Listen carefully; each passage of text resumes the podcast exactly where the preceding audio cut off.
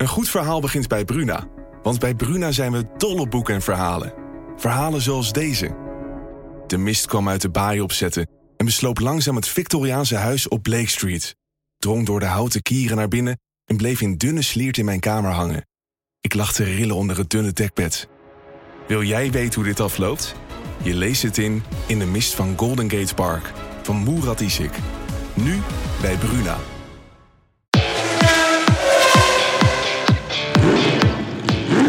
Is de Formule 1-podcast van De Telegraaf. Erik van Haren en Christian Albers praten hierbij over het belangrijkste Formule 1-nieuws. Ja, goeiedag. Alvast weer bedankt voor het luisteren. En Chris, uh, jij ook bedankt dat je er weer bent. Je ziet er beter uit dan ik. Uh, meer uitgeslapen in ieder geval. Dat mag ook in de krant wat dat betreft. Ik heb heerlijk geslapen. En uh, eigenlijk vorige week sliep ik niet zo goed, maar ik had vannacht eigenlijk super goed geslapen. Lekker, dankjewel voor het vragen. Ik zie, vind het zelf ook wel, maar ik zie wel af en toe dat ik wel wat kaler word als ik zo in die kamer zit te kijken. Ja, ik vind het ook wel leuk om jou te zien ook, weet je wel. Het is ook wel een beetje meer interactie. Ja, maar ik heb wel kleine oogjes. voor jou die zit goed. Dat is niet normaal. Je hebt echt 5G vanochtend. Ja. Dat niet te doen. Nee, mijn uh, vlucht ging, ik, mijn wekker ging om half drie in Baku vannacht. Dus dat is eigenlijk half één uh, Nederlandse tijd. Maar uh, ja, dan wel weer op een redelijk normaal tijdstip terug in Nederland om de podcast te doen natuurlijk. Um, ja, heb jij, je hebt een aardige wagenpark thuis. In ieder geval, je hebt een paar mooie auto's. Heb jij Pirelli-banden eronder ergens of, uh, of niet? Ja, ik denk, ik denk het wel, ja. Ja? ik zit er wel aan te denken, ik zit wel aan te denken om ze toch nog eens even te laten controleren. Misschien moet ik toch eens kijken naar een andere week. Nee, ik, om heel eerlijk te zijn. Um, ik weet nou niet of het echt een probleem is geweest van Pirelli um, aan de structuur, hè, dus aan, aan, aan de structuur van de band. Of dat er echt ook gewoon veiligheid op de baan lag, hè, uh, misschien een stukje carbon. Um, maar als ik ga kijken, het zit er wel dichtbij dat misschien toch de structuur kapot is gegaan van de band omdat je toch, eh, Pirelli zegt dat ze tussen de 36 en de 40 uh, rondes erop kunnen rijden. En ja, 32 rondes, dat, ja, dan kom je toch ook dichtbij in de buurt. Dus het is niet zo heel ver vandaan. En als je dan net een beetje meer tireware hebt gehad, als uh, en net even die, die opwarmprocedure hebt gehad, zeker met safety cars erbij, dan kan je wel eens die, ja, dan, dan denk ik dat het misschien wel eens kunnen zijn dat het toch aan de banden ligt. Uh, maar aan de ja. andere kant had je Stroll, hè, die reed ook lang door. Ja, die ging bij ronde 31 volgens mij eraf. Ja, en die had geen uh, procedure met de safety car. Hè? Dus dat de banden zeg maar weer helemaal afkoelen. Want je gaat achter een safety car rijden. Dus je rijdt langzaam. Ja. Dus die bandentemperatuur gaat naar beneden en dan weer omhoog. Kijk, dat heeft Max wel gehad. Um, ja, het is gewoon moeilijk te beoordelen. En ik zou je echt heel eerlijk zeggen, al is er wel een probleem met de structuur, dat is net eigenlijk wat uh, Max zei, dan zou je dat toch nooit horen. Want uh, nee. uh, ja, dat, dat, dat, dat, is gewoon heel veel schade aan het, aan het, aan het merk. Aan het merk. En, en dat proberen ze natuurlijk gewoon straks een beetje weg te poetsen. Maar het probleem is natuurlijk dat dat alles wordt gemonitord hè, in de Formule 1. Dus uh, er was ook niets te zien dat zij Mario Isola, de, de baas van Pirelli, terwijl jij gewoon wegloopt nu. Ik ga gewoon door, hè? Oké, okay. Christian Albers loopt in één keer weg. Net als ik begin te praten. Dat vind ik ook weer een mooie... Nee, nee, nee, dat is weer het nadeel dat we elkaar kunnen zien. Maar Mario Isola, de, de baas van Pirelli, die zei ook in de paddock van... Um, ja, ik, het is nog te vroeg voor conclusies. We gaan alles onderzoeken in Milaan. Daar worden die banden heen gestuurd. Maar het lijkt inderdaad rommel op de baan te zijn, brokstukken. Maar ja, Max had even daarvoor al gezegd van ja, ik weet toch al zeker dat ze dat gaan zeggen. Maar, uh, want er was ook geen slijtage, in ieder geval niet in die mate van uh, dat ze dit aan zagen komen. Maar hij liet nog een foto zien van Lewis Hamilton, ook linksachter. Er zat een enorme scheur in van al 5, 6 centimeter. Dus die kwam, kwam wat dat betreft nog net goed weg. Maar is het niet gek dat dat toch kan gebeuren? Want vorig jaar hebben we het in Silverstone gezien. Dit zijn weer nieuwe banden. Daar is natuurlijk al veel over te doen geweest. Uh, en die zijn robuuster volgens Pirelli. Maar het gebeurt toch weer. En we hebben het vorig jaar ook bij Verstappen gezien in, um, help me even, Imola meen ik. Een klapband. Of, hoe was het in jouw tijd bijvoorbeeld? Nou ja, wij in mijn tijd waren, uh, het eerste jaar waar hadden we natuurlijk concurrentie. Hè? Toen reed ik op Bridgestone en toen hadden ze die andere Michelin. Toen hadden we daar ook akkefietjes, uh, bijvoorbeeld in, in de Netlus waar alle auto's die op Michelin reden uh, toch besloten om niet te gaan racen. Toen wouden ze dat alle, mensen, alle teams die op Bridgestone reden ook gingen mee stoppen. Toen zeiden wij, ja, uh, ja uh, lange neus, wij willen wel rijden, want ja, jullie gaan tot het limiet continu. En dan kan je ook over het limiet gaan. Ja, en dat is dan dikke, dikke pech voor jullie. Um, wat ik niet begrijp van Pirelli, ik moet eerlijk zeggen, Pirelli heeft eigenlijk altijd wel goede banden. En het is eigenlijk toch wel een serieuze goede firma ik begrijp eigenlijk niet waarom ze zoveel risico nemen. Ik bedoel, neem gewoon één set compound harder mee. Ehm, ehm, en dan heb je gewoon minder risico. Hè? En, of pas gewoon die structuur aan. Ik bedoel, alle teams moeten met die banden rijden. Wat is het probleem? Ik bedoel, laat lekker de teams het aanpassen je moet als Pirelli zijn, dan moet je ontzettend veel geld meebrengen als sponsorship om uh, die banden te kunnen leveren. Daarna kost het ook nog eens handel voor geld om de banden uh, te produceren en weg te geven aan al die teams. Dus op dat gebied, weet je wel, zeg ik bij mezelf, ja, laat ze gewoon lekker één compound harder maken en die zorgen dat die structuur goed voor elkaar is, dat je dit soort ongelukken niet hebt. En, ja, het is maar ook heel gevaarlijk. ja, en, maar het probleem is ook natuurlijk, hè, je moet zeg maar zo zien, als je elk weekend die druk hebt van die teams, die lopen maar te pushen en te pushen. En die willen betere banden. En die zeggen dat dat niet werkt, dat zus niet werkt. Ik kan je één ding vertellen. In mijn tijd was het al zo. Um, eh, als ik de banden had van Michael Schumacher op mijn Minardi, dan kwamen ze dus nooit op temperatuur. En dan, nou, leek het net alsof ik op regenbanden reed. Uh, en, en andersom uh, zou Michael Schumacher nog geen vijf of tien ronden kunnen rijden op de banden waar Minardi mee reed, omdat ze gewoon veel zacht waren. Kijk, dus elke auto heeft natuurlijk zijn eigen downforce level, hoe die banden werken. Dus je moet zorgen dat natuurlijk gewoon de teams die vooraan rijden, die sterkste teams met de meeste downforce, dat je daar zorgt dat je gewoon een band hebt die gewoon hard en sterk genoeg is en dat je dit soort dingen kan voorkomen. Ja, dus eigenlijk de oplossing, als je nu even naar de huidige situatie zou zijn, dat als Pirelli iets minder risico neemt, gewoon een uh, drie, uh, of eigenlijk één setje banden, hardere banden meeneemt, hè, dus bijvoorbeeld uh, C3, C4, C5, dan, dan zou dat anders zijn. Dan zou dat, dat zou de beste, beste oplossing zijn in jouw ogen. Ja, dan, heb je, dan, dan maak je gewoon zeg maar in principe het zachte compound één, één compound harder. Ja. ja. en daar kunnen ze net zo in spelen. Kijk, weet je, het is allemaal zo leuk en chic wat ze allemaal zeggen. Ja, we hebben band C1, C2, C3, C4, C5. Weet je, ze kunnen naar C23 gaan, C500.000. Het doet er niet toe. Uh, het gaat erom, ze komen met drie compounds. En als ze gewoon zorgen dat die nou ietsje harder zijn voor de, voor de, lang, voor de circuits met lange rechte stukken. Hè, of, of die heel erg demanding zijn, hè, dus die heel erg uh, zwaar zijn voor die banden. Als ze daar nou een beetje meer op safe spelen, dan krijg je dit soort akkefietjes niet. Aan de andere kant zeg ik, wat een geweldige race hebben we gisteren gehad. Niet normaal. We hebben zo'n weet je, buiten dat Max Verstappen natuurlijk gewonnen had in Monaco. Maar het was zo'n K-race in Monaco.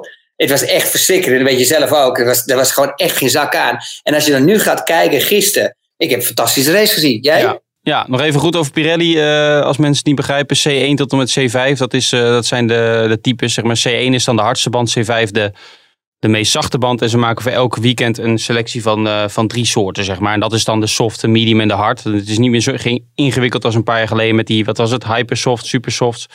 En noem allemaal maar op. Ik nog één vraag daarover, eh, Chris, voordat we over de race gaan praten. Raoul van Heesen bijvoorbeeld vroeg, ik kreeg daar wel meerdere vragen over. Wordt het niet tijd om voor een extra concurrerende bandenleverancier, zoals jij dus in jouw tijd had, zoals je net uitlegde? Ik weet, ik weet nog wel goed dat vorig jaar deze banden werden uitgetest in Bahrein. En toen waren bijvoorbeeld Hamilton, Vettel, Verstappen zeer kritisch over die, eh, over die nieuwe band die ze aan het uittesten waren. Toen begon Hamilton ook al over. Misschien is het wel weer goed om zo'n oorlog, zo noemde hij het, eh, terug te, terug te krijgen. Hoe, hoe kijk jij ernaar? Ja, weet je, het is daar heel moeilijk om daar een antwoord uh, op te geven. Want als ik ga kijken naar performance van teams, zeg ik ja. Waarom? dan krijg je meer competitie. En dan kan het best zijn dat een auto die minder goed is als een, als een, andere, als een ander team en als een andere auto.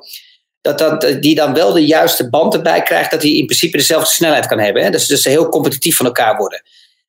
Eh, maar het kan ook zijn dat ze weer allemaal tot het limiet gaan. En dat je dit soort ongelukken krijgt natuurlijk. Hè? En, en dat zie je hetzelfde eigenlijk nu wat je met Pirelli hebt. En, en dat is een beetje het gevaarlijke. Is dat ik zeg nu net wel, hè, doe ik een heel verhaal van ja, ze moeten gewoon een compound harder maken. Maar er zit natuurlijk veel meer achter. Want een team die natuurlijk, ik noem maar even wat, even, gewoon even getallen doen. Stel je voor, je hebt 1000 kilo downforce. Ja? En het, en het team die erachter is, of het langzaamste team, die heeft maar 700 kilo downforce. Dat is 300 kilo verschil wat gedrukt wordt op de auto. Dan krijg je ook hele andere temperaturen in die banden. En dat is natuurlijk dan ook niet eerlijk voor een team um, die achteraan rijdt. Want die krijgt, die krijgt een veel, veel mindere kans om in dat window te komen dat die band goed werkt. Uh, maar aan de andere kant kan het ook positief zijn dat een team wat 1000 kilo hebt, dat die misschien wel uh, het oververhit als het ware de banden. Waardoor je dus ook weer dichter bij elkaar komt. Dus dat is, daar blijf je altijd het spel houden. Dat, dat blijven discussies, ja, weet je, daar, kan je, daar ga je nooit een middenweg vinden. Nee. Uh, maar van mijn ervaring, wat ik gezien heb, um, En dat deed mij toen wel redelijk pijn in 2005. is dat je natuurlijk toen met Michelin en met Bridgestone zat. En die Michelin-banden die waren gewoon zoveel beter, zoveel sneller in qualifying. Uh, dat het, uh, moet je nagaan hoe goed de auto moet zijn geweest zijn van Ferrari, van Michael Schumacher, dat hij continu ertussen stond bij die mannen. Want als die Ferrari op Michelin had gereden, dan, dan, dan was hij gewoon, ja, twee vingers in zijn neus, had hij gewoon van iedereen gewonnen. Ja, nou, je hebt wel je WK-punt Formule 1 eraan, mee, ja, mede aan te danken, toch? Ja, zeker weten. Maar en dan zeggen mensen, ja, er waren maar zes auto's die over de start kwamen. Ja, maar ook die hè, nervositeit, dat je moet zorgen dat je voor je teamgenoot eindigt, want anders ben je de sigaar. Dan is het hele jaar lang staat je teamgenoot voor je qua punten. Ja, weet je hoeveel stress dat geeft natuurlijk. Dus je moet alles op alles geven, eh, geven om, om maar ervoor te eindigen. En daarnaast, ja, als je het hele jaar uh, uh, Erik op je flikken krijgt van de teams met Michelin-banden, dan is het ook wel eens een keer leuk dat, dat Bridgestone het wel voor elkaar heeft op, op oval, zo, hè, op een halve oval, dat ze wel safe zijn ja, dan is het wel eens een keer leuk om, om eens een keer een andere volgorde te zien. Zou het leuk vinden als Formule 1 daar terugkeert? Dat gerucht gaat een beetje, omdat ze toch kijken nu Singapore niet doorgaat. Ze kijken naar Turkije, ze kijken naar uh, China. Wat ik niet zie gebeuren overigens. Maar er zijn nog wel meer races die, op de, ja, die er misschien afvallen. Japan, Mexico, Brazilië. Zou je het leuk vinden als ze, want ze kijken ook naar twee races achter elkaar in, in de Verenigde Staten. En daar werd bijgezet, zegt, zet er niet bij dat het twee keer Austin is. Um, maar zou jij je kunnen voorstellen dat ze daar terugkeren? Ja, waarom niet? Ik bedoel, nou, ja, ja en nee, want ze hebben toch best wel wat schade opgelopen. Hè? Um, uh, die Amerikanen waren echt niet amused. Hè? Nee. Die laatste race toen in 2005. Aan de andere kant zeg ik van ja, het is wel een gaaf circuit. Hè? Al die uh, spectators, alle uh, fans je kunnen eigenlijk het hele circuit zien. Vind ik ook leuk. Hè? Als, je dan, als we nou zo'n weekend hebben gehad, bijvoorbeeld in Baku of je komt in Monaco. Ja. dan zie je alleen maar een klein recht stukje of één bocht of misschien twee bochten, misschien drie als je geluk hebt. Maar dan houdt het op. En in Amerika kan je echt de circuits bijna helemaal volgen. Hè? Want omdat die, die, die setup is gewoon iets beter met die tribunes wat hoger. Uh, meeste circuits. Um, ja, en dan, uh, uh, ik denk dat het wel goed is. Kijk, ze moeten gewoon kijken zoveel mogelijk races in te vullen. En als er eentje afvalt, ja, het maakt niet uit waar het is. het kan overal zijn. Ja, nou, nu was ik degene die even een zijpad inging. Laten we gaan naar de race in, in Baku. Ik denk dat Red Bull het geweldig voor elkaar had. Want zowel Verstappen als Perez, dat, ja, we, we, hebben, we zijn wel eens kritisch geweest op Perez. Maar die lijkt zich toch steeds comfortabeler te voelen in die auto. Uh, ja, hoe keek jij naar zijn optreden? Hij wint natuurlijk voor Vettel en Gasly. Nog even voor de volledigheid naar die, naar die klappen van Verstappen en het uh, ja, vergalopperen van Hamilton bij de herstart. Uh, wat vind je van, van Perez? Nou, alle, allereerst is natuurlijk dus, ehm, is dat we een geweldige race gisteren hebben gehad.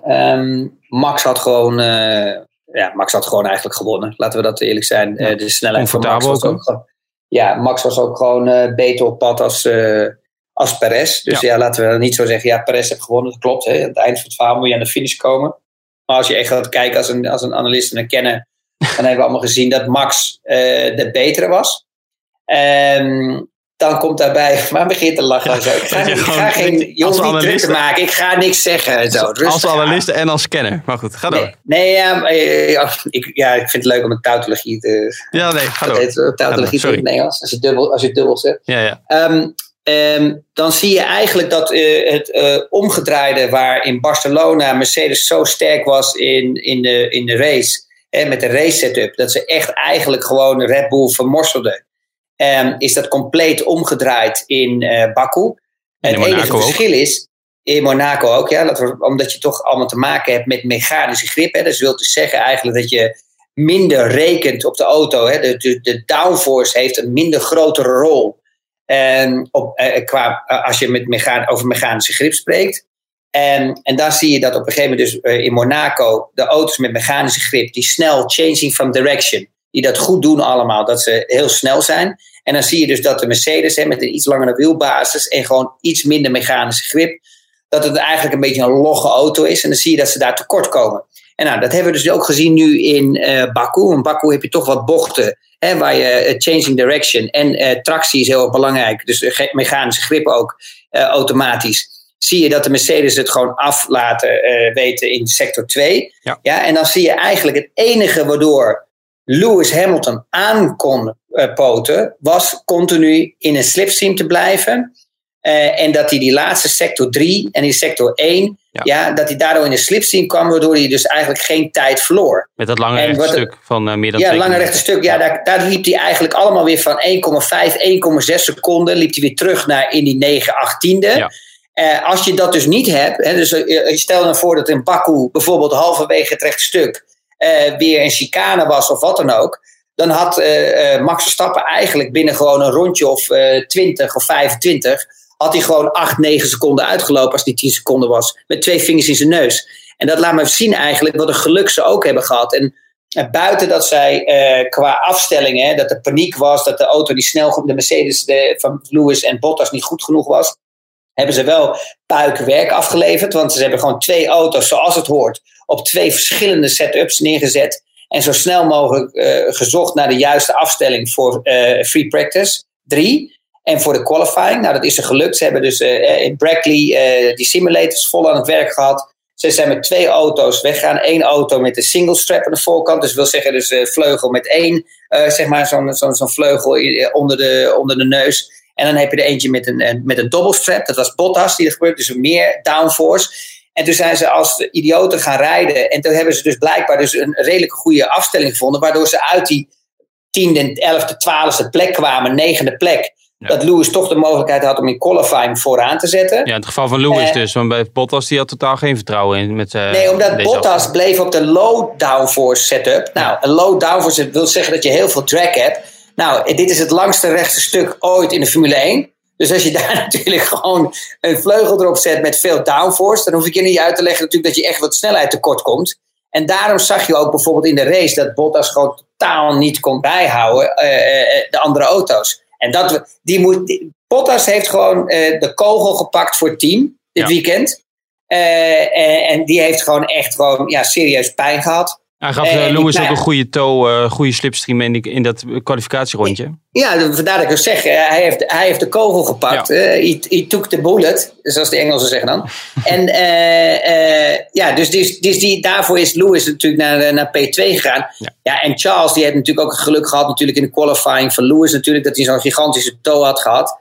Maar het was wel gaaf om zo'n zo'n zo'n grid te hebben dat je al die teams daarvoor had staan. Ja. Ja, daar ben ik het wel mee eens. Alleen, en het was ook heel close in de kwalificatie. Alleen we hadden elkaar zaterdagavond even aan de lijn, maar ik, uh, ik uh, hing snel op. Uh, dit keer, omdat ik, we waren net met Peter van Egmond, de bekende fotograaf, die dit weekend overigens zijn 500ste race, daar was heel hij aanwezig. Leuk. Echt, Heel leuk. Als er nou echt één, één echte lieve kerel ook echt is, ja. joh, die zo lang al meeloopt, dan is het echt Peter van Egmond. Ja. En ik heb hem ook nog even een WhatsApp gestuurd ook van... Uh, dat ik hem succes wens, weet je, of hij gewoon het, weer het mooiste plaatje kan schieten uh, op zondag. Het is, dat is nou echt gewoon een hele lieve, leuke en echt gezellige fotograaf. Ja. Die heeft, altijd vrolijk is. Ja, heeft alles wat wij allebei niet hebben. ja, correct. En, ehm, maar wat ik wilde zeggen is, toen hadden we ook een beetje discussie. Wat ik dan jammer vind bij zijn kwalificatie. Um, kijk, uh, natuurlijk speelt het de factor geluk in de, in de sport uh, wel zijn rol. Dat, dat is ook de charme van de sport. Maar ik vind het dan wel jammer dat ja, dat nu voor de tweede keer op reis een kwalificatie op deze manier eindigt. Dus dat, dat je toch wordt gedwarsboomd door zo'n rode vlag. En jij was het daar niet helemaal mee eens. Jij snapte wel wat ik bedoelde. Althans, je kan het nu al halen wat je zei. Maar je, snap je mijn punt wat dat betreft? Ja, maar dat is natuurlijk ook, dat zijn de reglementen. Maar dat maakt het, kijk, ik begrijp het wel voor de teams die natuurlijk uh, uh, ja, keihard werken, is het niet eerlijk. Want als ze, als ze gewoon de snelste auto neerzetten, wil je natuurlijk ook het maximale performance uh, halen in zo'n weekend. En wil je natuurlijk ook pol staan. Maar aan de andere kant, voor de kijker is het natuurlijk geweldig. En bedoel, het is ook niet een blamage, want het is gewoon een circuit waar je gewoon makkelijk in kan halen. Maar ja, makkelijk. Ik bedoel, we hebben gezien dat Lewis Hamilton niet voorbij Perez kwam uh, op een gegeven moment. Maar uh, aan de andere kant, het was een circuit waar mogelijkheden uh, ja, zich voordoen om te kunnen inhalen. En dan is het wel leuk om eens een keer gewoon zo'n mix te hebben op de, ja, gewoon met de qualifying. Ik vond het wel leuk, moet ik eerlijk zeggen. Ik zag ook dat Sainz nog een foutje maakte. Ik denk dat ten eerste hij met het aanremmen uh, een beetje op het vieze gedeelte was. Je zag dat hij ook niet recht aankwam. Hè? Dus hij, meestal komen ze van links aan en dan, dan, dan draaien ze hem eigenlijk naar rechts toe om het stuur recht te remmen. Hij kwam al een beetje meer van rechts, dus hij had iets meer een hoek als het ware. En dan uh, uh, remt hij zo ver buiten dat je een beetje op het vieze gedeelte komt. En ik had ook het gevoel dat zijn engine braking niet zo sterk stond als dat hij zou moeten staan. Waardoor een engine braking wil eigenlijk zeggen dat de motor die kijkt mee, of tenminste die, die gaat meedenken, dat als de achterwielen een beetje beginnen te blokkeren, dan gaat hij gas bijgeven als het mhm. ware, waardoor je dus niet kan spinnen. Nou, je zag wel duidelijk dat, dat hij gewoon spinde onder het aanremmen. En dat wil gewoon zeggen dat hij, dat hij daar eigenlijk iets meer engine braking moest gebruiken. Ja, maar ja, op dat moment lag, stond Tsunoda, zijn, de man die voor hem reed, natuurlijk ook wel aan de muur. Dus het was dus ja. einde kwalie geweest. Uh, maar even terug naar de race. Ik denk dat Red Bull, uh, je zag het ook met Verstappen, telkens als, als Lewis uh, Hamilton de snelste ronde reed, reed Verstappen daarna op zijn beurt weer de snelste ronde. Hij zei ook, ik, ik had echt de controle. Ik was een beetje de tijden van de mannen achter mij aan het matchen. Ook een snelle, hij ging volgens mij uit mijn hoofd een ronde later dan Hamilton naar binnen voor die stop. En dan zie je ook gewoon een hele snelle inlap, zoals ze dat noemen. En een geweldig snelle stop, 1,9 seconden. En dan zie je toch bij, bij Hamilton duurt het 4,6 seconden. En bij Perez, de teamgenoot van Verstappen, 4,3 seconden. Uh, dus dat was eigenlijk van allebei uh, dramatisch. Maar uh, ja, voor Red Bull ging eigenlijk alles... Hamilton, Hamilton kon er niks aan doen. Hè? Hamilton was natuurlijk een unsafe release als ze hem hadden laten gaan. Want ja. Gasly kwam de, pitstop, de pits inrijden. Ja. Dus die had gewoon echt vette pech. Dus het was eigenlijk niet eerlijk. Want als we heel eerlijk zijn... Uh, had hij nog wel uh, gewoon ervoor uh, kunnen komen na de pitstop.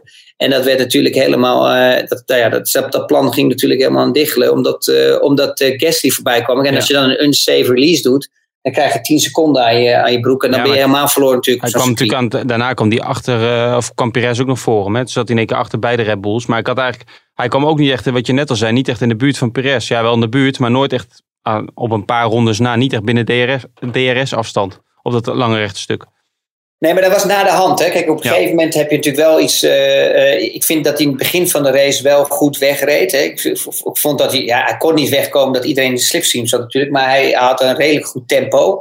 Uh, je zag dat uh, gewoon de Red Bulls gewoon de sterkste auto hadden dit weekend. maar niet alleen aan een mechanische grip. Maar laten we even ook eerlijk zijn naar Honda toe. Jezus Mina, wat hebben die een fantastisch weekend gehad. Ik bedoel, kijk eens naar de qualifying. Er stonden gewoon alle vier de Honda's gewoon in de top 10. En dan ook nog eens daarbij, weet je wel, als je dan gaat kijken eh, naar de race, hoe goed ze gepresteerd hebben. En ook gewoon naar de topsnelheden kijken. Dan hebben ze het gewoon mega goed voor elkaar. Uh, dus ja, weet je, Red Bull had gewoon eigenlijk dat oppermachtige wat uh, uh, Mercedes had in de race in, in Barcelona. Ja, ja, dat, ja, het was lang geleden dat ze een 1-2 hadden kunnen scoren. Maleisië 2016. Maar goed, uh, ja, dat gebeurde dus uiteindelijk niet. Um, maar we begonnen dit uh, praatje over de race met de vraag wat je van Perez vond. Want je hebt uh, flink meegeschreven gister, gistermiddag, liet je voor de, voor de opname zien. Um, want Perez deed eigenlijk precies wat, wat je als tweede man, als je het even zo oneerbiedig wil, wil zeggen, moet doen, toch? Ja, klopt. Maar hij had natuurlijk ook wel een beetje geluk. Ik bedoel, hij, deed, hij begon eigenlijk het hele weekend goed. Dus daar, was, daar, had ik niks op aan te merken. Uh, je ziet ook wel dat hij daar de, eh, de ervaring heeft. Dan moeten we ook eerlijk zijn dat uh, dit ook een circuit is wat hem heel erg ligt. Hè. In Baku heeft hij altijd goed gepresteerd, Perez. Dus daar moeten we ook uh, even rekening mee houden. En als je gaat kijken naar de qualifying, daar is hij wel weer een beetje tekort gekomen. Want dan stond hij toch eigenlijk stiekem zevende. Ja. En hij heeft natuurlijk een plek heeft hij, gewonnen omdat Norris naar achteren werd gezet. Um, door de, wat was de rode vlag situatie uit mijn hoofd, hè? Ja, Norris die, uh, die negeerde, ja, hij negeerde die, hij had naar binnen moeten gaan. Uh, ja. Dat deed hij niet en normaal krijg je dan vijf plekken straf. Maar omdat, omdat het vrij laat was en hij snel had moeten reageren, kreeg hij er drie. Maar hij kreeg wel over nog drie punten straf op zijn licentie. Dus hij heeft er nu al acht in een jaar tijd. En dat gaat dan over een jaar tijd. En als je er twaalf hebt, dan mis je een race.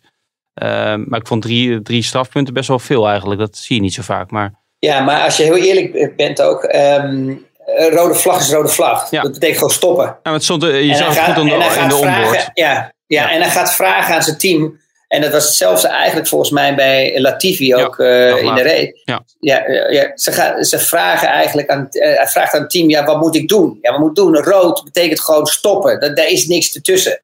Uh, en zo'n team moet daar ook gewoon veel beter in, in, zijn. En, en, en als het rood is, dan mag je ook best wel over die witte lijn. Ik denk dat ze daar niet moeilijk over doen. Dus ja, het is meer gewoon dat hij, hij maakte daar wel een stomme fout. En hij, hij moet van geluk spreken dat hij alleen maar drie, drie straf uh, grip penalties ja. kreeg. Ja, in plaats van vijf. Andere, ja. Ja, in plaats, ja, of misschien wel achteraan. Ja, ze uh, zeiden dat, dat normaal vijf wordt gegeven bij zo'n uh, bij zo'n uh, euvel. Maar dat ze nu dus een enige coulantie hadden vanwege de, het laten, of het, ja, de reactietijd, zeg maar.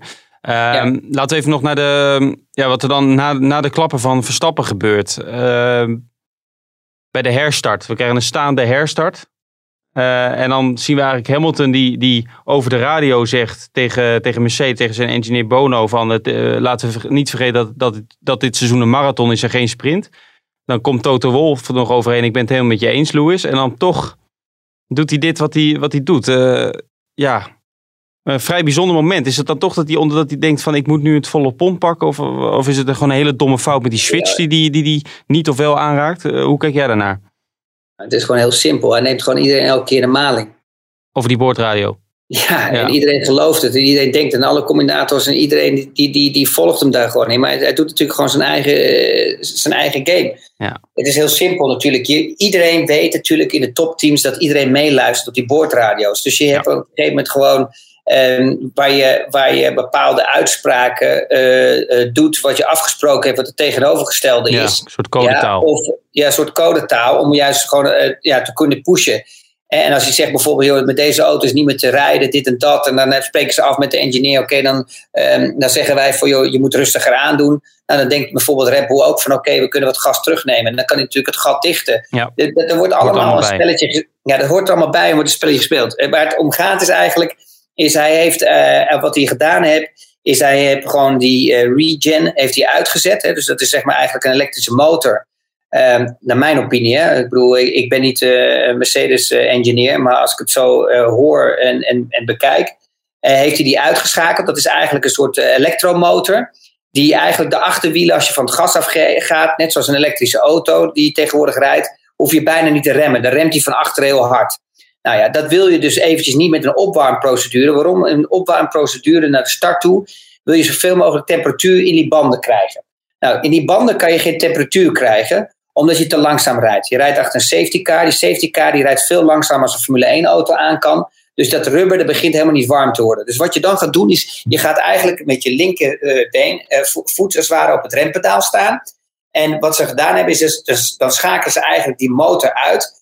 Weet je wel, die zorgt dat die achter afremt, ja. Dat hij dus veel losser doorrolt. En dan houden ze eigenlijk de rem erop, ja, met gasgeven tegelijk. Waardoor je dus eigenlijk de remschijven warm maakt. Met de remklauwen erbij. En die geeft de warmte door naar de, uh, naar de velg. En de velg komt op temperatuur. En die velg die geeft eigenlijk temperatuur door naar de banden. Nou, en wat hij dan doet, is hij doet eigenlijk meer uh, uh, brake balance naar de voorkant van, de, van de auto. Waardoor, omdat, waarom? Het is heel simpel welke banden uh, kan je makkelijker opwarmen? De voorkant of de achterkant? Dat is de achterkant, want de achterkant, als je namelijk op het gas gaat en je, zet je hebt wielspin, dan maak je die banden ook warm. Maar ja, je hebt geen vierwielaandrijving, dus ze kunnen voor niet die wielen laten slippen. Dus de enige mogelijkheid om die, die warmte erin te krijgen is als je je brake balance naar voren draait. Ja, en dat je dus als het ware dus de rem erop houdt. En dan, en dan creëer je die warmte door de remschijven, door de remklauwen. En dat heeft hij gedaan bij de, voor de start natuurlijk, met de opwarmronde, achter de safety car. En toen hij daar aankwam bij de grid, is hij vergeten zijn rembalans weer terug te zetten. En zijn regen volgens mij aan te zetten. Dus hij komt aan bij de eerste bocht. En hij heeft gewoon geen mogelijkheid om meer te vertragen. En hij verliest daarmee gewoon, uh, uh, ik denk, een van de belangrijkste punten van het seizoen. Ja, dus Oh, die domme fout? Uh, ja, het is, aan het eind van de dag is het een fout. Ja, aan de andere kant, ja, we zijn allemaal mensen, dus het kan allemaal gebeuren. Ja, weet je, hij komt eraan en uh, je doet je startprocedure en hij is één handeling vergeten. Ja, en die handeling vergeten, ja, dat is, uh, ja, dat is eigenlijk een catastrofe. Ja, ja, goed. hij, hij spoelt eigenlijk 25 punten door een putje, of in ieder geval of 18. Als ja, tweede en je, en je, als je ziet, ja, Verstappen baalde natuurlijk ook. Want die denkt, ik had 10, 11 punten uit kunnen lopen. Maar ja, met een beetje, met nog iets meer pech had hij nu uh, weer op een redelijke afstand tweede gestaan in, in de, in de WK-stad. Nu, eh, nu staat Verstappen natuurlijk nog eerste. Maar ja, Max keek natuurlijk ook al vooruit. Van, ja, we gaan nu naar Paul Ricard. Voor hetzelfde of nou ja, hij, hij verwacht dat Mercedes daar weer heel sterk is. Net zoals we in Barcelona hebben gezien bijvoorbeeld.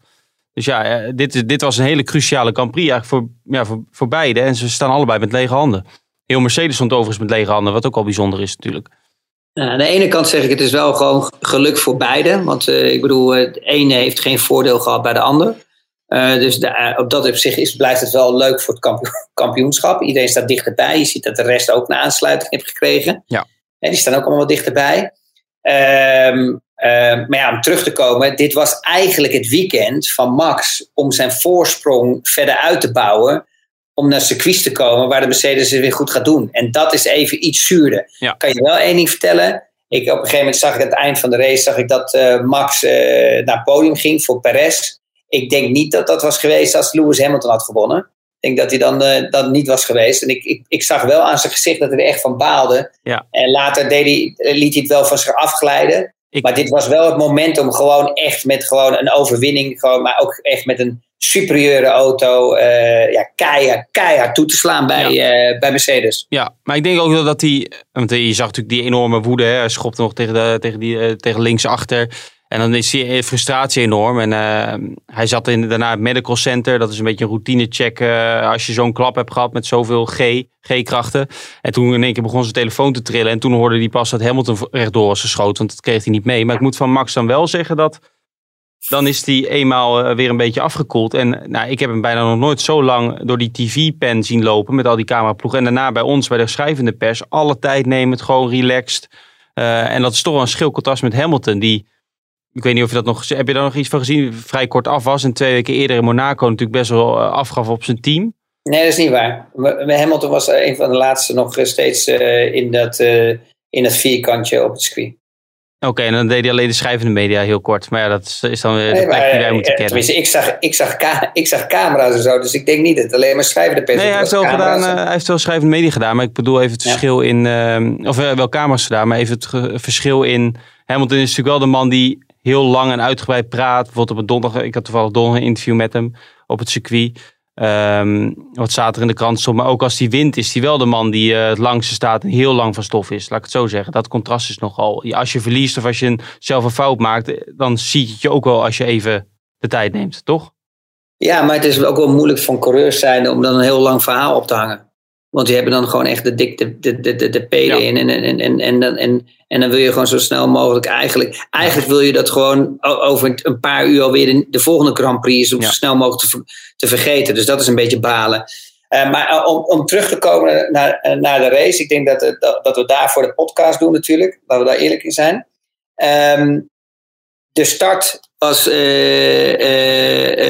goed van Leclerc. Eh, ik vond dat Lewis Hamilton ook goed aan eh, kon poten. Ehm, ik vond het een mooie optocht. Je ziet op een gegeven moment dan dat, die, dat de Red Bulls gewoon ja, eh, meesterlijk waren. Die, hadden gewoon, die, die waren al vanaf ronde 1. eh, eh, zag je al dat het gewoon de beste auto zou zijn. En dan moet ik eerlijk zijn. Dat Perez, ja, die heeft, gewoon, die heeft gewoon gevolgd. Nou, zaten de rondetijden er zaten wel. Maar als hij dit had gedaan op een circuit. Ehm, waar dus hij geen lange rechte stuk had gehad. dan had hij wel een probleem gehad. Want dan stond hij wel gewoon zesde op de grid. En dan stond hij niet dicht bij Max. Ehm, dus daar moeten we wel eerlijk in zijn, vind je niet? Ja, nee, daar heb je helemaal gelijk. En, we, en laten we even de, de, nog een paar erbij pakken. De, de oud-gedienden met alle respect. Alonso en Vettel. Vettel natuurlijk geweldig eh, P2. Had ook niemand verwacht van tevoren. Alonso was je ook wel eh, van onder de indruk, toch? Ja, ik vond, omdat heel veel mensen schrijven hem al gelijk af. Maar je zag bijvoorbeeld dat hij in de qualifying had hij eh, supergoed gepresteerd, Alonso. Ik vond dat hij daar eh, eh, echt een goede prestatie neerzette. En dan in de race zie je eigenlijk dat die Renault, of die Alpine, sorry, mijn excuses, eigenlijk in elkaar zakte. Je ziet gewoon dat ze gewoon geen, die long runs en je ziet gewoon die, die race setup. eh, eh, ze, missen het gewoon compleet. Ze hebben gewoon geen goede afstelling. Eh, die auto presteert niet goed in de race. En eigenlijk alle geluk bij elkaar komen er dus een paar, eh, komen dus eh, safety cars komen erbij. En er, komen, er komt een restart, waardoor hij dus weer een nieuwe set banden kan pakken. En dan zie je eigenlijk de echte oude Alonso terugkomen, die altijd agressief is bij de starts. Hè? Want ik bedoel, de eerste start was hij ook natuurlijk gewoon super agressief en lag hij weer op een goede positie. Ehm, en dan de tweede herstart, na de twee safety cars, eh, eh, kwam hij dus ook uit als, eh als zesde. Dus hij heeft gewoon supergoed gepresteerd. Ja. En, en, en dat, dat zie je wel gewoon dat Alonso hè, echt een stukje ervaring heeft, ook met zo'n met, met zo'n start. Dat ze toch ook even wat meer risico durven te nemen als de anderen, omdat ze gewoon ook minder te verliezen hebben.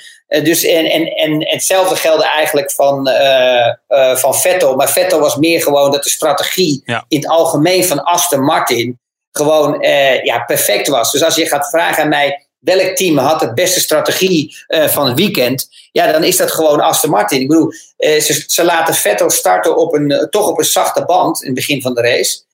Waar je eigenlijk denkt van, nou oké, laat hem op hard starten. Maar dat, dat laten ze doen, dus zeg maar, waren met Stroll. Dus ze verspreiden het risico. Twee Ja. verschillende scenario's. En ze laten Vettel zo lang mogelijk meerijden in de slipstream van andere auto's in het middenveld. Wachten tot de mogelijkheid zich aanbiedt om, om, om, om een wissel te doen. Uh, hij bleef heel lang doorgaan natuurlijk. Ja, dat was ongelooflijk. Het was ongekend hoe lang. en gewoon een redelijke goede tijd ook. Hè? Het was ook niet slecht. En hetzelfde geldde eigenlijk voor Stroll. Alleen het was gewoon balen dat hij, uh, ja, dat hij dus die taaienvee had. Ja. Um, maar ja, supergoed ge, gepresteerd. En, en, en een mooie, mooie positie. Hij verdient het ook. Ja, en twee weken daarvoor in Monaco eigenlijk precies hetzelfde. Toen zat Aston Martin ook eh, goed bij uh, met, met de strategie. Ook bij, de, bij de coureurs in de punten. Uh, en dan hebben we natuurlijk ook nog de strijd. We hebben natuurlijk de strijd Red Bull en Mercedes. Maar natuurlijk ook om, om plek drie in die constructeurs Ferrari en McLaren. Dat belooft er ook wel een mooie strijd worden dit jaar. Want Ferrari zat in ieder geval Monaco en Baku weer erg goed bij. Maar ja, dat, dat is toch wel leuk dat je die, ook die gevechten hebt. Ja, je, je merkt ook gewoon dat Ferrari alle focus heeft ook gewoon om, om voor McLaren te eindigen. Je ziet dat zij niet de potentie hebben om het gevecht aan te gaan met uh, Mercedes en met Red Bull. Um, maar als je de auto's gaat vergelijken, die eerste drie auto's, hè, dus stel je nou voor dat je Red Bull met Mercedes en Ferrari erbij pakt. Ja, dan krijg je weer natuurlijk een situatie waar je zegt van oké, okay, Red Bull heeft gewoon op dit moment uh, qua mechanische grip en low downforce, dat ze daar gewoon sterker zijn dan de Mercedes. Mercedes is meer medium en high downforce. En je ziet dus ook dus, in, die, in die medium tot high downforce zie je dat die Mercedes ook veel rustiger is. Dat komt ook door die, door die, door die wielbaas. En dan ga je ook zien straks weer in Paul Ricard, denk ik dat ze langer betere rondetijden kunnen rijden. Hè, dus veel stabieler zijn als een Red Bull. Ik denk dat een Red Bull en een Ferrari sneller beginnen te glijden. Hè, dus, dus, dus, dus langzamere rondetijden gaan doen. Um, en, en, en je zag dat Ferrari erbij is gekomen omdat ze gewoon dus echt blijkbaar gewoon echt gewoon mega grote stappen hebben gezet in de ontwikkeling. Uh, aan die mechanische gripkant. Dat heb je gezien nu in Monaco en dat heb je nu ook gezien in Baku. Dat ze gewoon in die sector 2 ook gewoon uh, uh, super snel waren. En ik vind, weet je, de motor is ook niet slecht, want anders sta je er niet bij. Anders sta je geen pole position. En anders staat niet de Sainz ook in de top 10 erbij. Dus ze, hebben het gewoon goed voor elkaar. Ze hebben een gigantische inhaalslag gemaakt. En dat, en, en, en dat vind ik wel knap voor een team, moet ik eerlijk zeggen. En ik vind ook de rijdersduo, um, Leclerc en Sainz, ook gewoon echt fantastisch. Ik denk dat, ik denk dat dit ook echt een team zou, gaat zijn. Die, dat, die rijdersduo, die, ik denk dat die ook echt wel gewoon nog de, de eerstvolgende drie, vier, vijf jaar doorgaat. Omdat ze gewoon echt gewoon gewaagd aan elkaar zijn. Ze zijn, uh, Carlos is gewoon een, een, een, een, denk ik, een goede coureur, ook qua omgang, hè, relaxed. Ik denk dat jij daar, je hebt hem ook een paar keer een interview met hem gedaan. Hoe, hoe vind jij hem? Nou, ik, ik vind dat hij uh, zeker uh, sinds hij bij McLaren is gaan rijden. En, en, zeker toen hij dat duo ging voor met Norris. Dat, dat heeft hem denk ik wel goed gedaan. Want daardoor kwam hij steeds uh, positiever in de picture. Je moet natuurlijk niet vergeten dat dat ook best wel belangrijk is voor een coureur. Dat je best wel een goede uitstraling hebt. En dat mensen met je willen praten. Dat, dat je fans krijgt. En hij is daar, ik vind hem daar, ik vind hem nog steeds heel relaxed. En Leclerc ja, daar heeft Ferrari natuurlijk echt, uh, volgens mij heeft hij een contact tot met 2024 eh, uit mijn hoofd. Dus die blijft daar voorlopig nog wel even. En ik zie ook weinig redenen nu om, om, om, om met Sainz bijvoorbeeld maar één jaar door te gaan. Waarom? Ja, dat, dat is inderdaad toch een mooi jong duo. En ja, zoveel veel talentvollere coureurs zijn er niet op de grid, denk ik, op dit moment. Vind je eigenlijk Baku, ben jij overigens een Baku leek corona helemaal niet meer te bestaan? Dat was ook al een vrij bijzondere gewaarwording op dit moment. Maar los daarvan, ben jij een fan van dat circuit? Ze, ze hebben ook dit jaar hadden ze best wel weer wat dingen aangepast. Ja, ik heb er nog nooit, ik heb er nog nooit gereden. Het enige wat, wel, uh, wat me opviel is dat die, die turn 8, hè, dus dat is die beetje die scherpe indraai, die linker daar zo. Um, met Changing Direction, die hebben ze nu al uh, jaar op jaar maken ze die steeds uh, groter als wijder. Hè, vroeger was hij veel smaller en moest je veel harder aanremmen, waar ook Leclerc vorig jaar de muur in, in ja, ging als het ware. Ja. Ja, twee jaar geleden, sorry. En um, dan zie je dat ze daar dus eigenlijk elk jaar gaan ze een stukje uh, verder terug. Dat is wel grappig om te zien, want je zag nog de afdrukken. Uh, uh, te staan van waar zeg maar twee jaar geleden de curbstone stond en het jaar daarvoor. Is wel grappig om te zien. Um, maar voor de rest heb ik eigenlijk geen ervaring mee. Maar ik vind het wel een leuk circuit, ook voor de fans, om gewoon te kijken op televisie. Want je hebt wel inhaalacties.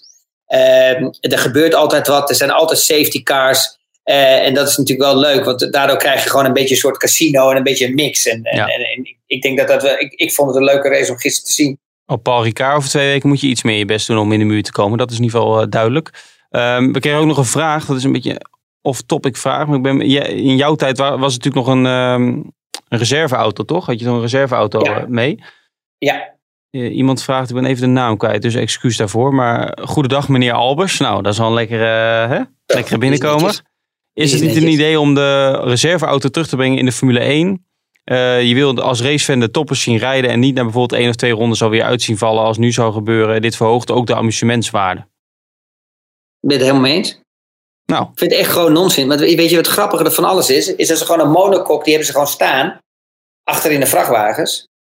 Ja, want als er namelijk een monokok kapot gaat met een qualifying of met een training of wat dan ook, kunnen ze er gewoon nieuw opbouwen. Dus waarom heb je, niet gewoon waarom heb je gewoon niet een T-car? Wat is het probleem? Dat zijn de extra kosten niet. Die motoren staan er ook allemaal. En dan zou je nog kunnen zeggen, bijvoorbeeld, eh, weet je, dan kan je altijd wat in het reglement aanpassen als degene eh, eh, met de, de auto meerijdt in een T-car, bijvoorbeeld, dat hij de helft van de punten krijgt in plaats van de maximale punten.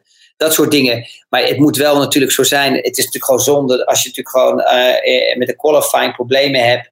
Met een motor of dat soort dingen. Of een zware crash. Dat gewoon iemand mee kan rijden. Of op het begin van de grid. Hè, als, de, als de race gaat starten. Ik vind het ook altijd wel mooi. Ik vond dat een sensatie. Dat rennen naar die andere auto. Kan je dat nog herinneren? Ja. Die, dat is 15 jaar, tot 20 jaar geleden. Ja. Dat altijd. Het mooiste vond ik nog altijd wat ik me bij kon houden. Is de, eh, eh, Montoya. Die ging keihard rennen. Die moest over die pitmuur heen klimmen. En zag je zo. Hij was altijd een beetje. Hij was altijd Ja. toch degene die iets forser was dan de rest. Laat het netjes houden. En, eh, en rennen en rennen. Die was, hij was al bijna helemaal. Had al twee Grand Prix erop zitten voordat hij in zijn T-car stapte. En, en, en, dan- en dan de pits uitrijden. Ja, dat, dat waren geweldige tijden, joh. Ik moet je eerlijk zeggen. Ik begrijp, ik begrijp niet waarom ze dat niet terugbrengen. Want het zijn namelijk niet de kosten om die auto in het midden. Maar ze willen allemaal steeds meer ruimte in die pitboxen. Maar dat ging eigenlijk vroeger makkelijk, weet je. Je zet er gewoon eentje nog in het midden erbij. Daar zijn de wielen vanaf. Die staat gewoon ietsje hoger.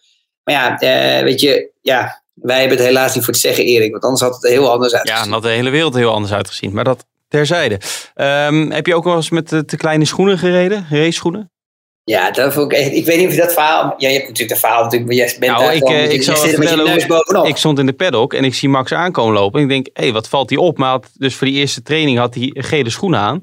Dus na, Ja. af- dus na afloop van de, van de training vroeg ik dat. Hij zei, ja, eh, de schoenen van Perez geleend. Want ehm, Max heeft van zijn, eh, zijn eh, race boots heeft hij maat 41.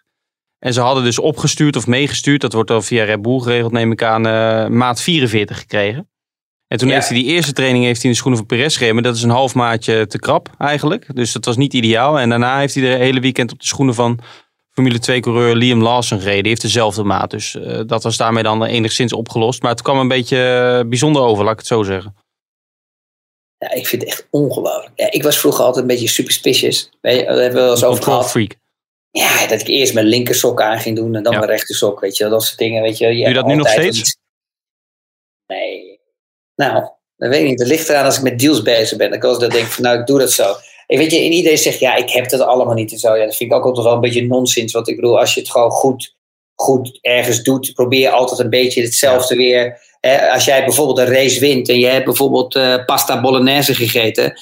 Ja, en je hebt, en je hebt de race gewonnen en, en de volgende race komt eraan. Ja, denk je dat je dan een wienerschnitzel gaat bestellen? Of denk je dan van nou, laat ik maar een pasta bolognese weer bestellen? Want dat ging wel goed eigenlijk de vorige keer. Dus je, je probeert het ritme te vinden waar je je lekker bij voelt. En eh, ja, als ik, als, ik, stond helemaal versteld. Ik had gewoon echt iemand het vliegtuig inge, ge- geschopt, zeg maar, als het. En gewoon die schoenen laten halen. Als waren ze twee dagen onderweg. Dat hij ze gewoon op, op zaterdagochtend weer gehad. Ik vond het zo raar. Ik zou, ik zou helemaal gek zijn geworden. Maar Maakt dat is het mijn veel uit als je die andere leent in dezelfde maat? Nou ja, blijkbaar niet. Want je zag dat Max er eigenlijk helemaal niet eh, onder lijdt. Hij is daar heel relaxed onder. En ik denk dat het ook heel erg ligt aan de coureur. Maar laat ik zo zeggen, ik vond het wel zwaar onprofessioneel. Als je een team hebt wat eh, een, een budget hebt wat eh, 500 miljoen of 400, 500 of 600 miljoen runt. Dat de coureur zijn schoenen niet heeft. Ik bedoel, die, die hoorden, gewoon, er hoorde altijd gewoon een, een, een, reservepaar in de hoek. Dus die, hadden wij altijd eigenlijk. Dus ik begrijp gewoon niet waarom. En ik denk dat ze die altijd dan weggeven met handtekeningen. Maar je moet altijd gewoon een reserveset daar hebben. Dus ja, ik, als, het, als ik daar was geweest, dan had ik mijn management had ik daar al naartoe gestuurd om, om, om, om die paar schoenen te gaan halen met vliegtuig. In plaats van eh, eh, zo te door te rommelen met andere, met andere schoenen aan. Ja, nou ja, goed. Uiteindelijk eh reed hij vanaf, Free practice day Ja. met, eh, met, met dezelfde schoenen, maar dan een andere kleur. Dus ja, ik denk niet dat het heel veel... eh, Nee, oké, maar ja, weet je, het, is, het is toch leuk om je eigen kit altijd te hebben. En daar heb je toch het meeste vertrouwen in. Dat is waar je, wat je gewend bent. En je Ja. weet nooit, ieder, ja, elke schoen is toch anders. Misschien hebben ze die wel aangepast voor hem, hè, dat hij net Ja, iets anders kan. zit. dat weet dat je gewoon niet. Nee. Ehm, maar eh, laten we zo zeggen, hij heeft er niet onder gele- geleden. Want hij heeft supergoed gereden. Eh, wat ik ook eigenlijk wel grappig vond in de race, om, eh, om, om op terug te komen bij jou, eh, toen het eigenlijk de optochtje was natuurlijk met ehm, eh, Verstappen, Perez en Lewis Hamilton. Dan zag je op een moment, op een gegeven moment in, zeg maar in wat was het, ronde 26, waar Stroll de muur in ging, dat je een 31, safety car procedure kreeg. Ja. En op een gegeven moment ging je dan, gingen ze weer van start. En die Massapin, die moesten ze leppen. En toen zag je op een gegeven moment dat Verstappen eigenlijk Massapin op het rechte stuk had. Dus eigenlijk een slipstream meekreeg. En dat eh eh Perez hem eigenlijk tegenkwam in de bochtenstuk, hè, in sector 2. En toen zag je ook echt dat Max op een gegeven moment in, in één keer dat stuk, dus zeg maar die, die 2,6 tot 3,2 seconden, 3,5 seconden, dat het gat in één keer boven de 5 kwam, bijna 6 seconden. En toen, toen, toen merkte je ook dat ze die aansluiting gingen missen. Dat Max ook echt gewoon, weet je wel, in, in, in, in vrije, eh, ja, reed al vrij voor. Maar dat die anderen geen voordeel meer hadden om die slipstream te pakken. Nee. En toen zag je ook dat hij echt weg ging rijden. Toen was hij gewoon ook echt ijzersterk. Wat is nu eigenlijk jouw eh, favoriete maaltijd als je dan een goede deal sluit? Filet mignon in de beefbar? Of, eh, Nee, die, die, heb ik, ja, die hebben we samen gegeten. ja, nou, heerlijk. samen, ja, allebei een eigen stuk. Ja. En niet Ja. dat we samen een Nee, ik wou die voor jou ook opeten, Ja. maar je keek me boos aan. Je was aan het grommen. Dat is net zoals die hond van ons. Die gromt ook altijd naar mij. Ja, exact. Ehm, ja, we hebben twee weken geleden, voor de mensen die twee weken geleden hebben geluisterd, eh, een prijsvraag eh, uitgeschreven. Oh, ik was nog niet, ik was nog niet klaar. hoor. Nou, Ja, jij wilt altijd stoppen, maar ik ben nog niet klaar. Maar we hebben het even over de rode... Dus, dus Max Verstappen eindigt in de muur. ja. Eh, wat vond je van die situatie? Je krijgt een rode vlag. we kregen geen rode de- vlag bij Stroll trouwens. Nee, nee. Dus er was de safety car, maar we krijgen een rode vlag situatie.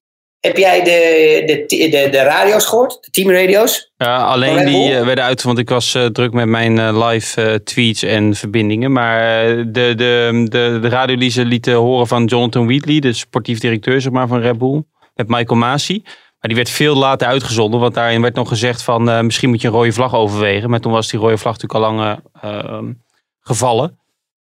Dus ik heb niet alles gehoord, nee. Maar vertel wat je wil vertellen. Dat was de enige fout van Red Bull dit weekend. Nou, vertel. Nou, omdat ze, oh, hij sprak eigenlijk over dat een rode vlag situatie moest doen. En toen waren ze alleen maar druk bezig met hoe, de, hoe of wat met de herstart. Maar ze hadden gewoon tegen Michael Masi moeten zeggen: joh, luister eens, we hebben al zoveel procent van de race gehad. De race moet gewoon nu stoppen. Dit is gevaarlijk voor alle coureurs. Ja, en, en, en that's it. Want dan had Max Verstappen wint gewoon de race gewonnen.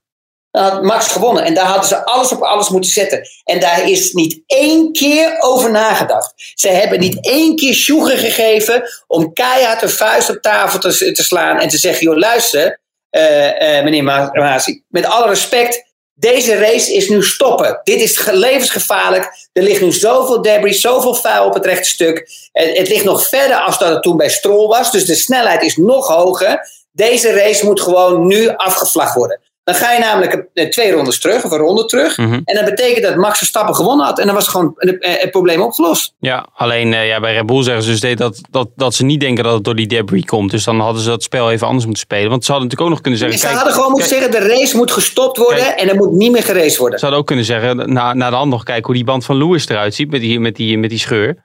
Die had ook kunnen ploffen en het is levensgevaarlijk. Ja, als je het zo speelt, ja. Het is een beetje zoals eh, toen met eh, die Maar diezelfde, situ- maar diezelfde situatie kwam eigenlijk toen Stroll in de muur kwam. Ja, is dat toch de teams een gevoel hadden van 50-50. Het is een bandenprobleem. Of het is vuil. hè, 50-50. Ondanks houden ze zich eh, stevig vast aan Pirelli tussen rond 36 en 40. Maar niemand durfde het risico te nemen. Of niemand kwam als eerste de pits in. Dus ja, ze, ze bij, nemen ook dat bij, de, risico. bij het dat moment van Stroll bedoel je? ja, bij het Ja, moment nee, van was Nou, wist eigenlijk- ja, maar dat, ja, maar dat dus wist dicht, hè? Ja, correct. Maar iedereen wist wel eigenlijk dat die banden dat niet uit gingen houden. Dat was een 50-50 situatie. Het Door was die klapper, of vuil, ja. door die klapper. Of het was vuil, want iedereen wist dat hij 32 ro- of 33 ronden had gereden op die banden, of 31. Ja? Dus je weet dat of het is een bandissue, Of het is foul geweest, hè, een stukje carbon in de band. Ja. Dus wat gebeurt er dan? Dan krijg je een situatie in de race hè, waar eh, Verstappen, Perez, Lewis, iedereen volgt. Dan heeft Lewis heeft eigenlijk nog maar één optie. Dat is naar de harde band te gaan. Dan heeft Red Bull heeft twee opties. Of tenminste, ja, twee opties, hard en medium. Want die hadden nog nieuwe mediumbanden. En dan, en dan heb je een situatie waar eh, eh, Lewis eigenlijk alleen nog kan winnen als hij een pitstop maakt. Ja, nee, En duidelijk. die, maar, en die, heeft, hij, en die heeft hij ook niet benut. En, en Red Bull, als ze zo met de vuist op tafel hadden, ze hadden het in ieder geval kunnen proberen. Want als het niet, als het niet was gehonoreerd, dan had je nu dezelfde situatie gehad als nu. Dus dan... En nu- dat is wat ik bedoel. Wat ik wilde ze- zeggen, ze- voordat je me onderbrak, kan je nog herinneren dat toen in de arena met, bij Ajax AZ was het geloof ik, een hooligan het veld opkwam en die keeper van AZ eh, een, trap, een karate-trap gaf. En toen zei ze bij AZ, toen kreeg die keeper rood trouwens, omdat hij terug, eh, terug eh, schopte. En toen zei AZ van, we gaan het veld af, we gaan niet meer doorvoetballen, want we voelen ons niet meer veilig. Toen werd die wedstrijd niet uitgespeeld, of later pas. Dus je kan best Ja. wel, als je het zo brengt, als de veiligheid in, in het geding is, dan denk ik dat daar best wel een, eh, een felle discussie op gang komt. Ik Ja, goed, maar wat dat is is nog niet voor dit punt. Dus eigenlijk was eh, Red Bull te druk bezig nog steeds met de race. In plaats van een vuist op tafel te slaan. Van jongens, luister, dit gaat niet meer verder. Dit is gevaarlijk voor de sport. We moeten het nu afblazen. We moeten gewoon stoppen de race. Dan had Max Verstappen gewonnen. Maar in plaats van dat waren ze druk bezig met Perez. Ja, en, en hebben ze ook, eh, heeft Christian Horner zich ook niet hard gemaakt. Ja, en, Doc- en, en, en Helmut Marko ook niet. Om gewoon de vuist op tafel te slaan. Ondanks dat ze wel kunnen backvechten continu met Toto Wolf. Ja. Wel flexwing. Niet de flexwing. We hebben al moe van. 30 jaar flexwings overal. Dat heeft Mercedes ook. Dat heeft Red Bull ook. Dus het is allemaal nonsens discussies. Had ik gewoon alles op alles gezet. Om gewoon te door te drukken. Dat die race gewoon afgevlagd was. En dan had Max Verstappen had gewoon de race gewonnen. En dan had hij zijn voorsprong gehad. En dan had Lewis Hamilton was derde geworden. En dan had hij zijn voorsprong kunnen eh, uitbreiden. En dat is wat we Elf allemaal wouden zien. Ja, nou eh, prima uitsmijten. Kijk, dit is dan het enige wat je dan van tevoren niet doorgeeft dat in je boekje staat. En dat is eigenlijk je beste punt. Met alle Ja, respect. maar die Michael Massi die denkt, nou, dit is lekker mooi. Want een rode vlag, dan mag iedereen zijn banden wisselen. Dus het probleem is opgelost. Er zijn nog maar drie rondjes, dus dat houden ze vol. Dus ik heb de race afgemaakt. Ik ga nu even husselen, want we hebben dus twee weken Ja. geleden, uh, daar begon ik net eh, over die prijsvraag. Althans, door jouw eh, snel verzonnen prijsvraag, moet ik zeggen. Het, het programmaboekje van de Grand Prix van Monaco. Ehm, Back in Town staat erop zo te zien. Maar het, was, het is het eerste progra- fysieke programmaboekje in coronatijd. Ik- Jij hebt toch die vleugel van Strol heb jij uit die boom gevist, toch? Eh, Ja, ja, ja, gisteravond, of niet? Want die, die ligt er nog steeds, dat weet je. Nee, die ik heb ik meegenomen. Die ligt hier ook. Die kunnen we Ja, die geven we weg als, als prijsvraag, ja. Correct of niet? Weet jij nog de Heb je vraag? gezien trouwens, of niet? Ja, ja. We moeten nog steeds ergens in die boom zitten. Ik heb hem omhoog zien gaan, maar ik heb hem nooit naar beneden zien komen. Ja, ze waren ook redelijk... ehm, nou, ze waren niet al te voorzichtig, die mensen die daar aan het werk waren. Want het waren nogal wat... eh, Ja, we hadden er een paar die hadden helemaal niet in de gaten. Dat Nee. gewoon eentje de muur in kwam. Dat is echt ongelooflijk. Ja. Maar ook de taxichauffeurs ook allemaal. Die denken ook allemaal dat ze daar eh, bij Schumacher zijn. Maar dat terzijde. Weet jij nog de vraag die jij stelde twee weken geleden? Ja, Nou, wie de, gewonnen had in... welke mo- monogastische coureur gewonnen had in Monaco? nou, en het antwoord is Chiron. Heel goed. En dan eh, ga ik hier het goede antwoord. Het is Louis Chiron in 1931 met een Bugatti. En de, Ja. het boekje wordt opgestuurd naar René met dubbel E. Hanenberg. Dus van harte gefeliciteerd René. En waar woont eh, René? Ja, dat staat allemaal niet bij. Dat Oh, is ja, niet dat mag echt ook niet. de belangrijke Oh, nee. informatie om hier te Maar verschaffen. nou begrijp ik waarom we een Bugatti Chiron hebben. Ja, Nou, nou. begrijp ik het ook. Dat is een leuk, eh, gelijk een leuk historisch weetje, Chris. Ehm, is het handig René Ha- dat René Hanenberg nog een mailtje stuurt met het adres? Ja, Oh, dat, dat, die, daar wordt contact met je opgenomen. Nee, oh, super. Oh, dit, super. dit, dit is, voelt toch ze- heel on- onnatuurlijk om te doen, maar we hebben het weer gehad. Ehm, ja, Chris, eh, heb je weer nog een slotwoord? Want we zitten alweer eh ruimschoots over de limiet eigenlijk. Nee, nee, ik heb het enige dat ik, ik vond het een superleuke eh ja, Grand Prix. En gelukkig, ja, nou, en gelukkig is de schade beperkt gebleven voor Max. ja, Want eh, ja, nou, maar het was natuurlijk eh, verschrikkelijk geweest als Lewis natuurlijk de race gewonnen had.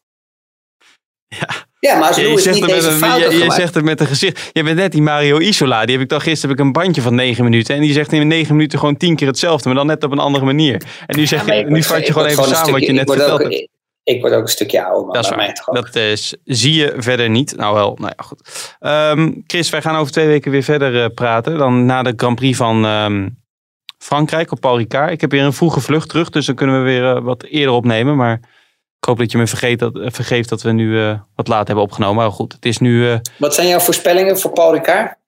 nou, ik verwacht wel dat Mercedes daar heel sterk... Dat is echt een Mercedes-circuit, denk ik. Ik denk dat Lewis Hamilton daar wint. En dat Max Verstappen tweede wordt. En dan zeg ik... eh, Maar Bottas- Car- Car- Maar Bottas, Bottas mist de vlucht, of hoe werkt dat? Ja, die eh, miste donderdag zijn vlucht, ja. Was het donderdag? Ja maar, ja, maar ik vraag nu voor Paul. Omdat je zegt, eh, Max Verstappen wordt tweede. Dus ik, Ja. vraag, dus Bottas mist de vlucht. Nee, die Komt wordt derde. Maar. Max, Ah. Max gaat nog wel Ah. splitsen. Die, die, die, kan, die kan die jongens wel... Wat denk jij dan? Want, eh, Ja, ik ben het niet met je eens, maar we Nee. gaan het zien. nou, vertel dan wat jij dat vindt. Nee, nee, nee. nee. Ja. Dat ga ik al verklappen. Oh ja, we moeten het wel verklappen. Ik denk, eh, ehm, je hebt stiekem toch wel een technisch gedeelte in eh, Paul Ricard. Eh, zeker achterin, na het rechtstuk. Waar je wat changing direction hebt. Dus ik denk dat eigenlijk Red Bull verrassend goed kan zijn daar. Ik denk dat je je gaat vergissen. Dus jij denkt Ik dat Max Verstappen wint?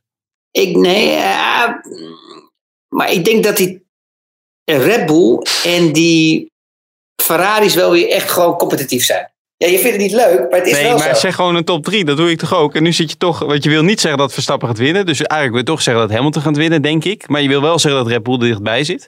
Maar ik hoef niet per se te weten wat de verschillen zijn in secondes. Maar rust, ja, maar je bent zo aan het pushen, want ik ben nog even dat rondje aan het rijden hier bovenin met mijn ogen dicht. En er zijn toch zoveel medium en high speed corners, stiekem toch nog wel. Maar er zijn ook best wel veel eh, changing directions. Nou, eh, we eh, kunnen het ook, nee, maar, dat, ja, maar dat is wel maar dat is belangrijk, want dat heb je nu gezien in Baku. Je ziet bijvoorbeeld dat Lewis erbij komt op de rechte stukken. Maar je ziet bijvoorbeeld in de sectors waar, waar echt veel bochten, langzame bochten zijn, dat hij het verliest. En dat is eigenlijk een mixture van Paul Ricard. Maar Correct of niet? ja, nee, zeker. Maar top 3 wil ik horen.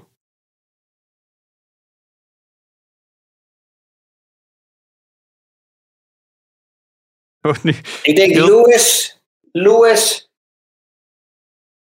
Max, Bottas, Leclerc, Kijk, Perez. dus ik zeg net Lewis, Max, Bottas. Dan begin jij een hele tirade van drie minuten door te zeggen... ik ben het niet met je eens. Uiteindelijk Ja, heb je dezelfde top 3. Dat is weer typisch Maar- dit hoor, mensen.